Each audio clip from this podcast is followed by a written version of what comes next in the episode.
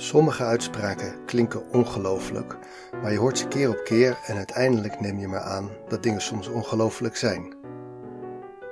Zo is er de uitspraak: de oude Babyloniërs hadden al zo'n geavanceerde wiskunde en astronomie dat zij zonsverduisteringen konden voorspellen. Misschien heb je wel eens een zonsverduistering of maansverduistering gezien. Een paar weken tevoren staat er in de krant dat op een bepaalde tijd, laten we zeggen 4 uur 23, een zonsverduistering zal plaatsvinden. En dan gebeurt dat ook precies. Ik weet ongeveer wat een zonsverduistering is en hoe het werkt, maar als je me zou vragen uit te rekenen wanneer de volgende is, ik zou echt geen idee hebben waar ik zou moeten beginnen. Het heeft iets met de stand van de maan en de zon te maken en dat die precies op een rijtje moeten komen te staan. Maar dan? En het is altijd verleidelijk om te denken dat mensen uit vroeger tijden dommer waren dan wij dat bijvoorbeeld een holbewoner minder slim zou kunnen nadenken. Natuurlijk niet. Genetisch verschillen we maar heel weinig. Maar wij hebben een hele opvoeding en opleiding achter de rug. En onze maatschappij maakt het ons makkelijk met bibliotheken en internet om niet alles zelf te hoeven verzinnen. Omgekeerd is het ook verleidelijk om te denken dat mensen uit vroeger tijden die wel iets voor elkaar kregen, pakweg een piramide bouwden of succesvol een maansverduistering voorspelden, dat die dan wel uitzonderlijk slim en bovennatuurlijk begiftigd moeten zijn geweest. En dat is dus ook niet zo. Deze aflevering is wat langer dan meestal, maar wordt als het goed is een ego-boost. We gaan wat dieper in op de theorie van verduisteringen en wat die Babyloniërs nou precies konden. En als ik me niet vergis, kom je aan het eind tot de conclusie dat jij dat ook wel had gekund, zo'n verduistering voorspellen als je er maar lang genoeg de tijd voor had gekregen om te observeren. Als hommage aan Wikipedia, het grootste verschil tussen mij en een holbewoner, is dit Nooit Geweten, aflevering 8. Een volledige zonsverduistering is een van de spectaculairste natuurverschijnselen die je kunt meemaken.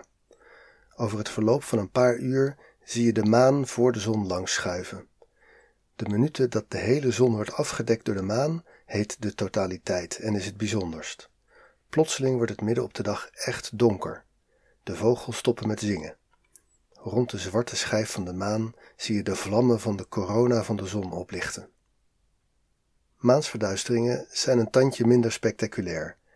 Ook daar duurt het een paar uur voordat de schaduw van de aarde de maan helemaal bedekt. En dan wordt de maan niet onzichtbaar, maar het wordt wel veel donkerder en hij krijgt een beetje een rode kleur. Best bijzonder, maar niet zo heftig als een zonsverduistering.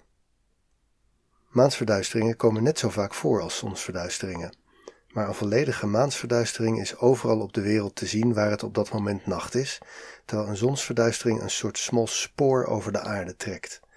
Zolang je er niet speciaal voor gaat reizen, heb je bij een volledige zonsverduistering geluk als je er één in je hele leven ziet. Maansverduisteringen zien de meeste mensen een paar keer in hun leven. Hoe werkt zo'n verduistering nou precies? We beginnen eenvoudig. De aarde draait om de zon in een grote cirkel en daar doen we een jaar over. De maan draait in een kleinere cirkel om de aarde en die doet daar een maand over. Als de maan precies tussen de aarde en de zon in komt te staan, dan dekt de maan de zon af.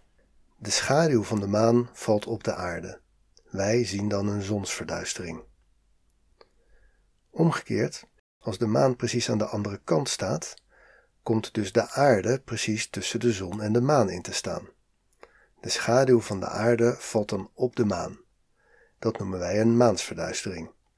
Als je op dat moment op de maan stond, zag je een zonsverduistering, want de aarde dekt dan de zon af. So far so good. Maar waarom gebeurt dat dan niet elke 15 dagen? waarom is het zo zeldzaam? Dat komt doordat het bij onze aarde en maan nogal precies komt kijken. Onze schaduw is net groot genoeg om de maan te bedekken. En de maan is precies groot genoeg om de hele zon af te dekken. Dat is heel toevallig.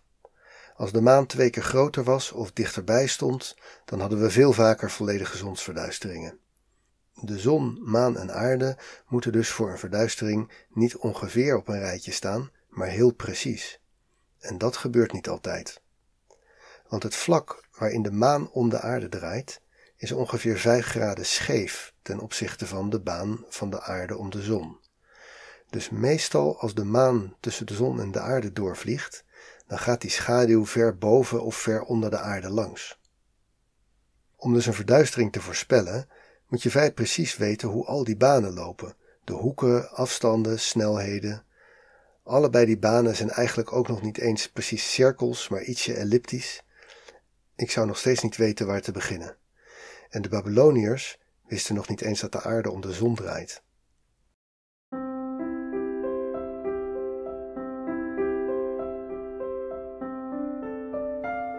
Maar er is een soort trucje. Stel dat er vandaag een zonsverduistering is. Dan weet je dat die drie bollen vandaag precies op een rij staan. De maan staat op dat moment dus precies in het vlak waarin de aarde om de zon draait. Op dat moment beginnen we te tellen. Er zijn twee cycli. De eerste duurt 27,2 dagen. Dan staat de maan weer precies op dezelfde plek van haar baan om de aarde. Maar dan is er nog geen hele maand voorbij, omdat de aarde in de tussentijd verder om de zon is gedraaid. Dus om weer tussen de aarde en de zon in te komen, moet de maan nog anderhalve dag doordraaien. Dat is de tweede cyclus van 29,5 dag, ook wel bekend als een maand. Als je nou een aantal maanden van 29,5 dag vindt, waarin precies een heel aantal van die cycli van 27,2 passen, dan staat na dat aantal maanden de maan weer precies tussen de aarde en de zon en ook weer precies in het vlak van de aarde en de zon. Het blijkt dat we na 223 maanden er 241,999 rondjes van de eerste cyclus op hebben zitten. Dat is 18 jaar, 11 dagen en 8 uur. Die periode noemen we een Saros-cyclus. Dus als je de tijd van een vorige maansverduistering weet, weet je dat er 18 jaar, 11 dagen en 8 uur later weer een zal zijn. Dat zou ik misschien wel zelf kunnen uitrekenen. Wie bedoelen we eigenlijk als we het hebben over de Babyloniërs? Het was een land in de oudheid in Mesopotamië, Irak en Syrië, zeg maar. In die regio ontstond in de 10.000 jaar voor Christus de landbouw, irrigatie, steden, georganiseerde godsdienst, het schrift, etc. etc. In Egypte en China waren ze er soms ook vroeg bij, maar Mesopotamië is toch wel de wieg van onze beschaving. Maar 10.000 jaar is erg lang. En zelfs als je alleen maar naar de laatste 4000 jaar voor Christus kijkt, vanaf het moment dat we geschreven bronnen hebben, was het natuurlijk geen stabiele 4000 jaar durende situatie. Het waren rijken die opkwamen en weer instortten. Meestal hadden ze een stad als centrum. En we noemen dus het rijk dat de stad Babylon als centrum had, de Babyloniërs. Maar zo simpel zat het dan ook weer niet. Die rijken wisselden veel met elkaar uit. Ze leerden van elkaars cultuur, kenden elkaars talen. En bijvoorbeeld het Babylonische Rijk bestaat eigenlijk uit twee heel losse periodes. Eerst het Oud-Babylonische Rijk, dat was heel machtig, rond 1800, 1700, 1600 voor Christus. De stad Babylon was toen net nieuw gesticht en daarna kwamen er weer andere rijken op, zoals de Assyriërs. De stad Babylon verdween natuurlijk niet, maar ze waren niet dominant. En dan zo rond 600 voor Christus, dus duizend jaar later, bloeit het weer een tijdje op. Dat noemen we het Neo-Babylonische Rijk. Het duurde ongeveer 100 jaar. Het is in die Neo-Babylonische tijd dat we weten dat ze de Saros-cyclus kenden en gebruikten om maansverduisteringen mee te voorspellen. Dat is best heel bijzonder. Iets waar een patroon in zit dat je pas na ruim 18 jaar kan zien, of eigenlijk na twee maal of drie maal 18 jaar. Je moet er een enorme administratie voor hebben. Heel veel tijd aan besteden. Best goed zijn in wiskunde. En je moet het ook nog heel belangrijk vinden. Nou, dat was dus allemaal zo. De Babyloniërs hadden een enorme obsessie met het bewaren van oude geschriften. Niet alleen Babylonische, maar ook veel oudere Sumerische teksten die ze vertaalden en bewaarden in bibliotheken. Let wel, dat zijn dus allemaal kleitabletten met spijkerschrift. En ze legden ook van alles vast: hoe laat de zon elke dag opging en weer onderging, wanneer Venus opkwam en onderging, enzovoort. Het mooie van kleitabletten is dat ze vrijwel onverwoestbaar zijn. We hebben daar nog steeds heel veel van. En ze waren geobsedeerd door maansverduisteringen. En met een goede reden. Ze volgden die verduisteringen voor iets heel belangrijks. Ze geloofden namelijk dat de goden hun plannen lieten doorschemeren via voortekenen. De priesters in de Babylonische tempels waren eigenlijk voortdurend bezig met voortekenen te interpreteren. Een van de allerergste, allergevaarlijkste voortekenen die je kon hebben, was een maansverduistering. Als de Neo-Babylonische priesters dachten dat er een maansverduistering aankwam, dan betekende dat niet veel goeds voor de koning.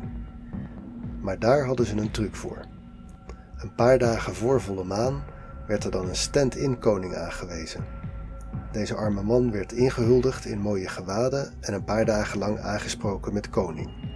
De echte koning kleedde zich een paar dagen eenvoudiger en werd door de hovelingen aangesproken alsof hij een eenvoudige boer was. Die manier zou de kwade zin van de goden hopelijk afgewend worden naar de vervangende koning en kwam de echte koning goed weg. Na de maansverduistering werd de tijdelijke koning ter dood gebracht. Dus er zat wel een kern van waarheid in dat slechte voorteken.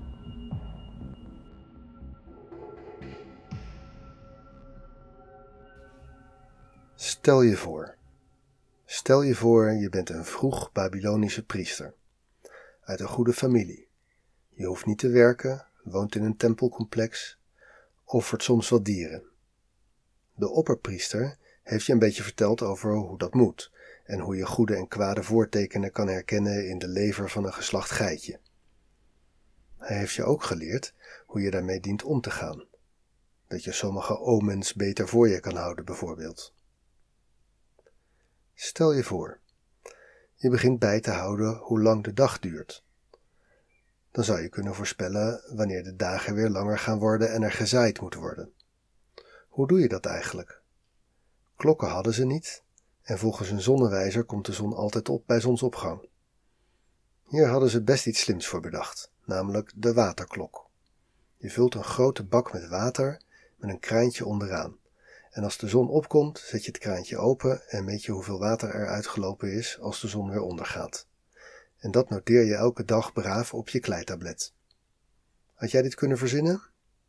Misschien best. Dat schrijven had je al gewoon op de priesterschool geleerd. Er zijn bibliotheken waarin al dit soort dingen voor de eeuwen worden bewaard. Eén ding hadden ze niet helemaal goed begrepen. Ze dachten dat de hoeveelheid water die uit de bak was gelopen lineair verband hield met de tijd. Dat klopt niet, want hoe leger de bak raakt, hoe langzamer het eruit stroomt. Dus dat had jij misschien wel beter gedaan dan de Babyloniërs. Stel je voor, de lengte van de dag wordt al honderden jaren bijgehouden. We zijn er best goed in geworden, want er blijkt een strak ritme in te zitten. Nu willen we gaan bijhouden wanneer de planeet Venus opkomt en ondergaat. Heel belangrijk, want dat is de god Ishtar. Je begint te noteren. Op sommige dagen is Venus een avondster die een tijdje na de zon ondergaat. Dat is een tijd lang zo en dan wordt het een ochtendster die een tijdje voor de zon opkomt. Die cyclus blijkt heel wat ingewikkelder in elkaar te zitten dan bij de opkomst en ondergang van de zon. Maar je blijft stug notities in je kleitabletten zetten en na acht jaar zie je dat je weer bij het begin bent aangekomen. Het is toch gewoon een cyclus, alleen een lange en ingewikkelde cyclus. Stel je voor. Stel je voor, je bent een neo-Babylonische priester en je hebt als taak om de schijngestalte van de maan bij te houden. Vrij simpele klus. Alleen zo nu en dan, eens in een paar jaar, gebeurt er een verduistering. Altijd precies als het volle maan is. Op die dag maak je een speciale aantekening. Het is namelijk een kleine ramp voor de stad en best onvoorspelbaar, zo lijkt het. Totdat je een keer alle notities van je voorgangers in de afgelopen duizend jaar op een rijtje zet en je het patroon ziet. 223. Een verduistering herhaalt zich na 223 maanden. Het komt niet altijd uit, want de verduistering gebeurt wel eens als het in Babylon dag is. En er komt ook wel eens een onverwachte langs, maar ja, zo zijn de goden. Jij wordt opperpriester. Had jij dit uit kunnen puzzelen? Waarschijnlijk wel. Niet in je eentje, maar wel als je in een cultuur staat waarin al duizend jaar observaties in kleitabletten worden gezet.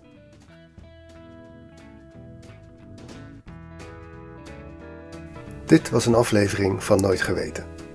Voor deze aflevering had ik zoveel leuk materiaal dat die in de eerste plaats wat langer is geworden.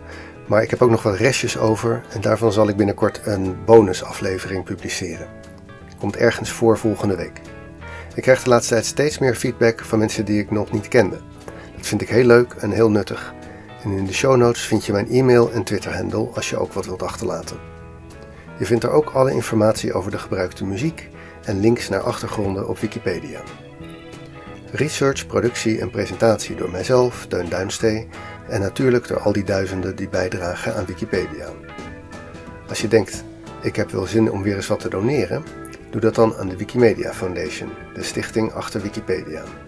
We moeten zorgen dat een bron die zo belangrijk is voor onze informatievoorziening niet afhankelijk wordt van reclame of overheidssubsidies.